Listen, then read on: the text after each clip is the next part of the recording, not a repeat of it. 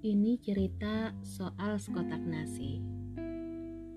Bukan tentang menu apa yang ada di dalamnya, tetapi bagaimana sekotak nasi ini bisa berarti bukan hanya untuk penikmatnya, tapi semua orang yang terlibat di dalamnya.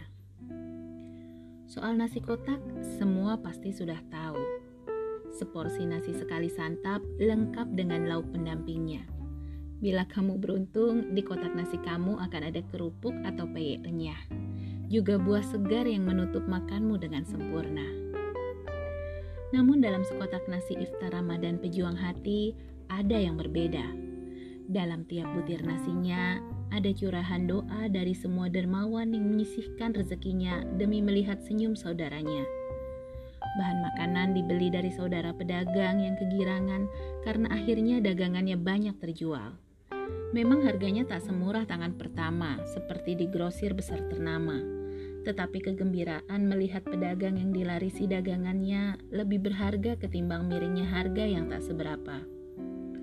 Beberapa menu sengaja dibeli dari saudara pejuang yang dalam keterbatasannya ia tak juga ingin mengeluh. Ia juga tak ingin meminta.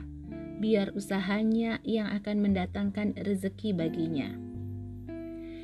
Demikianlah cerita si nasi kotak iftar Ramadan pejuang hati.